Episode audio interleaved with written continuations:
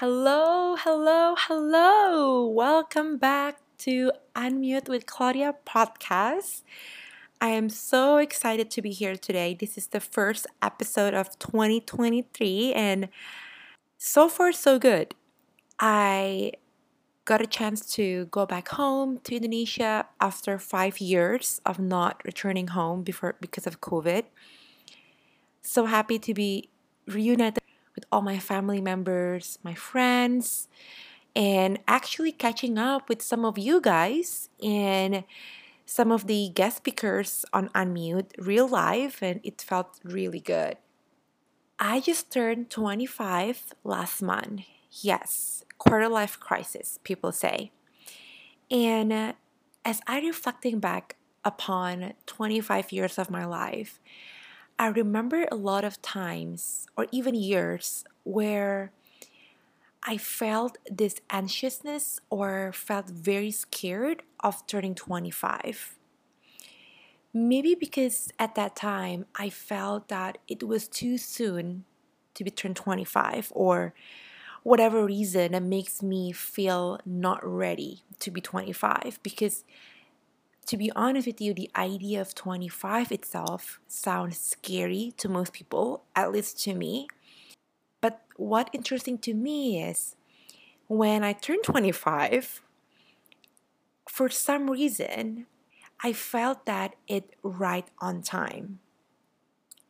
All of a sudden, all of my anxiousness, you know, that those scary moments, those scary thoughts I had over the years just wiped away when I turned 25 last month. And I think it's something to be thankful for because, you know, I'm not entering the new age with that kind of perspective or with that kind of negative thoughts lingering in my head. And since I'm here back home in Indonesia for a couple of months, I realized one thing that growing up, people in my community or in the community always talks about the time when XXX, you know, the time when I turned 27, I want to get married, the time I turn 30, I want to have my first kid, and so on and so forth. I'm not saying that this conversation doesn't happen in the US. It's for sure happens quite often. But to be honest with you, since I grew up here and a lot of my friends are here, this kind of sentences or this kind of topic got brought up more often than not in our conversation daily basis. And without me realizing it, these kind of mindset of, oh, I need to have a set of a timeline that I need to do this or be what at certain age ingrained within me. And turn out I do think about it in the back of my head.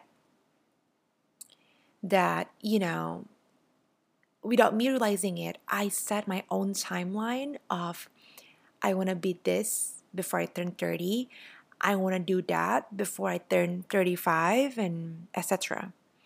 And I'm sure this whole journey or perspective resonates with most of you guys because, you know, in our 20s, we always, more often than not, be too caught up in chasing the next thing or want to be someone or, you know, be in that perspective or be in that mindset that you want to think you want to be someone fast or you want things move faster. Um, but this year specifically, 2023, is the year that I choose to be more intentional.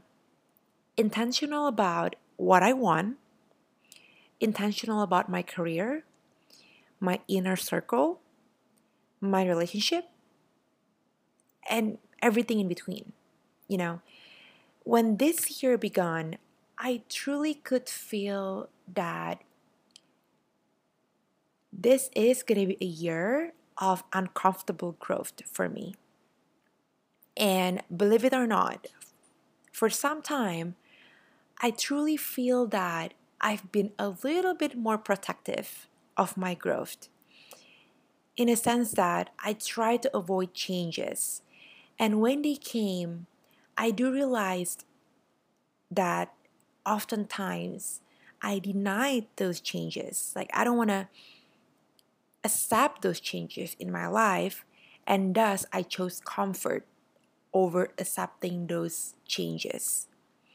And like I've said before, when you're in your 20s, we all want to make it, right? We all want to make it or be successful in our career, in our relationship, in our life, in our family.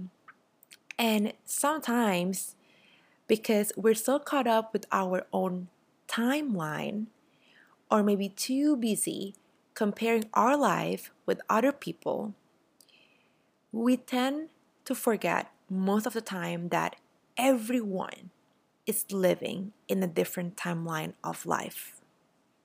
Everyone is living in a different timeline of life. And sometimes life really took that thing in your life in order for you to become what you meant to be. Okay, let's talk about Oprah for a sec one night I was scrolling through TikTok and this story of Oprah came about and it happened that Oprah actually got fired when she was 43. And at that time, you know, she was she thought to herself that she lost it. She lost her momentum. She couldn't make it as a person. She cannot be successful um, there's something in front of her that always go against her at the age of 43 because she got fired and you know when we got fired or as we know there's so many news these days about layoff we tend to think that it's the end of the world that there's no tomorrow that i am not successful. You just all of the sudden go in that rabbit hole spiral thinking that you cannot make it you know um, life is not on your side and that's exactly happened to oprah right but guess what if oprah didn't get fired she cannot become the, the oprah winfrey that we know right now she started her oprah journey then after she got fired because she meant to do more than that. Another example, Julia Child. You know, she worked at an advertising agency all of her life. And she pretty much published her famous first cookbook when she was 50 years old. And now she's the first woman to be inducted into the Culinary Institute of America Hall of Fame. The same story for Vera Wang. You know, you see, all of these people, they got success on the later of their lives. And I'm sure you guys heard these people's stories before, but sometimes we I myself included, forget about this kind of stories and we're just busy chasing the next thing and pushing on the quote unquote society timeline. I remembered my mentor from work told me this once. Even if you put 100% of your effort and pour your heart and soul to the thing that you want to achieve, if it is not your time, if it is not your time, then it won't happen. And when that didn't happen, normally people call it a lesson of life. I think we can navigate our focus and instead of we're busy trying to fit in to the timeline, you know, and I'm sure this kind of questions, this sort of conversation on when are you going to get married? When are you going to do master, when are you going to do X, Y, and Z, will never fade away from the society, right? We all know that. So it really is how we respond and how we think about those questions. We better make sure that when a good opportunity comes, especially an opportunity that comes in once in a lifetime, we take it and we don't miss it. We better make sure that if this kind of opportunity comes in our corner, which is this uncomfortable growth over comfort, right? Because comfort is easy, it actually mold in us. If comfort doesn't mold in us, then isn't that that isn't comfort to me. And you know, every time we talk about this topic about timeline, about growth, about chasing the next thing, the word expectation always comes around, right? We expect ourselves to be like A, let's say. And believe it or not, expectation these days comes from social media. And may I remind you again that social media is a highlight reels, guys. And frankly saying, the grass is always greener on the other side. Um, I'm not saying that we should have zero expectation, but my point is can we try and be conscious when it comes to comparing ourselves? Can we focus on 1% improvement of bettering ourselves each day? Why don't we focus on comparing ourselves today versus yesterday or this month versus last month? You know, I think that's more fair to us. I know it's easier said than done because, believe it or not, if I can be honest with you, it's so easy for me to get into that hole of looking other people's life, looking at other people's achievement, and be hard on myself, push myself to limit, try to mold myself on their timeline. And I don't think that's fair, you know. And I think in that scenario, we absolutely need to be more intentional on putting on more grace, putting on more understanding um, in ourselves. You know, in other words, focusing on 1% improvement from within, right? So, to recap, here are three highlights of today's Unmute episode. First, you are exactly where you're supposed to be for the next best thing to happen. You are exactly where you're supposed to be for the next best thing to happen. Even if the next thing doesn't feel like the best thing as it is happening. In Christian community, we call it God's timing is always the best. And when we can accept that, accept that we are exactly where we're supposed to be. We accept that God's timing is always the best. And we put faith in it. We then can open the space that we need to move through whatever the circumstances is with grace and ease. We are no longer pushing against, we are actually flowing with, and therefore allowing the next something to be more in alignment with our vision. Second point this year,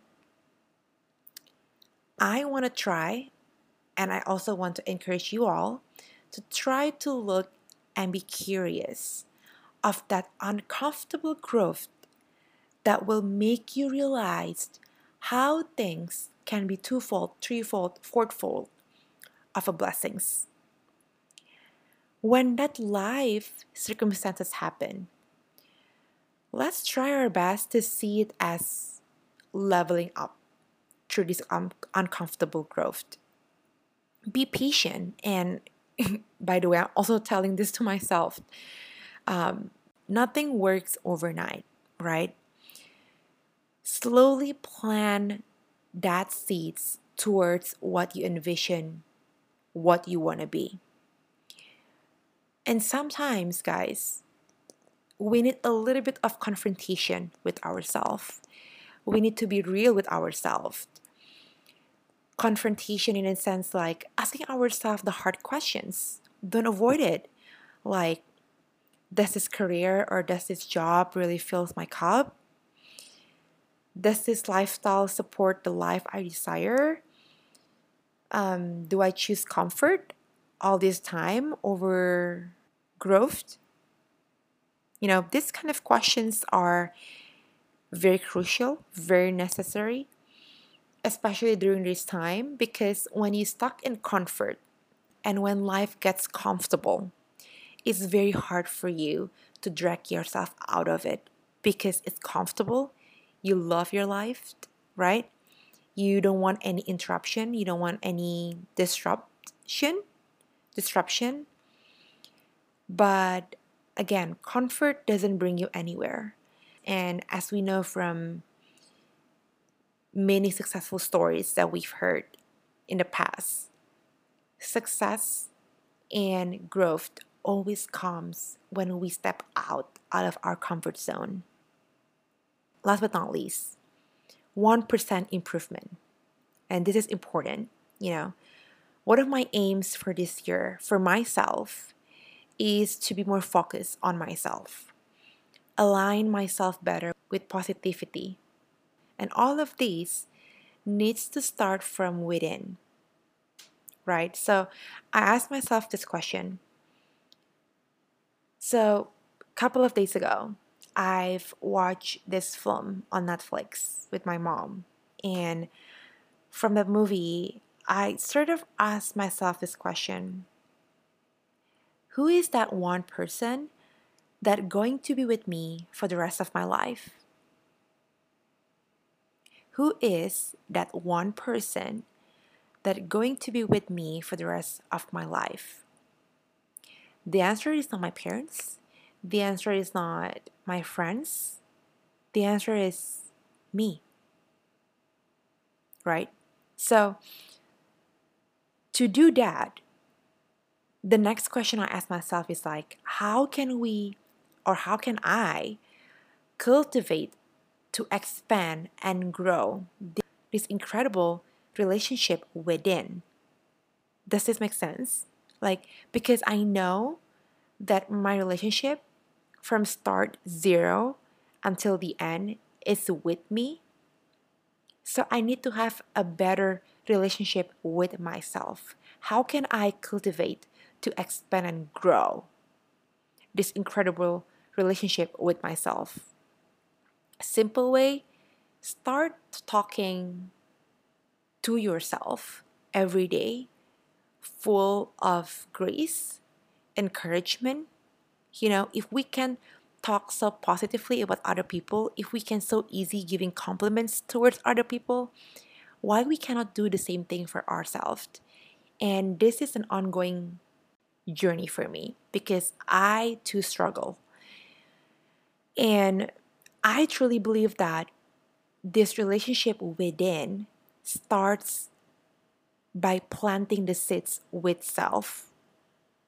So, you know, I need to be extremely cautious on how I talk with myself, focusing better on my 1% improvement each day. And when I fail to achieve that 1% on that day, well, I know that I can go back again to the arena and start again. So, that's a very short, sweet, and spicy first Unmute episode of the year. I really hope that this episode could be helpful in some way or another. I hope that this episode can speaks to you. And if do, and if you think of somebody else in your mind that needs to listen to this episode, please, please do share. I truly appreciate all the support that I've received, it has been a very humbling, amazing journey for me. And I'm just so excited to share more about my life, about future guest speakers that are going to be on this podcast. And without your support, without your love, your likes, your comments, and your ratings, this Unmute episode wouldn't exist to this date. So, thank you so much from the bottom of my heart. You have no idea how this means so much to me. And I hope I can see you again in the next episode. Bye. Have a beautiful month of February. Thank you all for listening to this Unmute episode. Don't forget to follow this channel and share it with your friends too. And also, feel free to hit me up on Instagram at Claudia H. Johan. Unmute Podcast. Let the brain sparks begin. See you.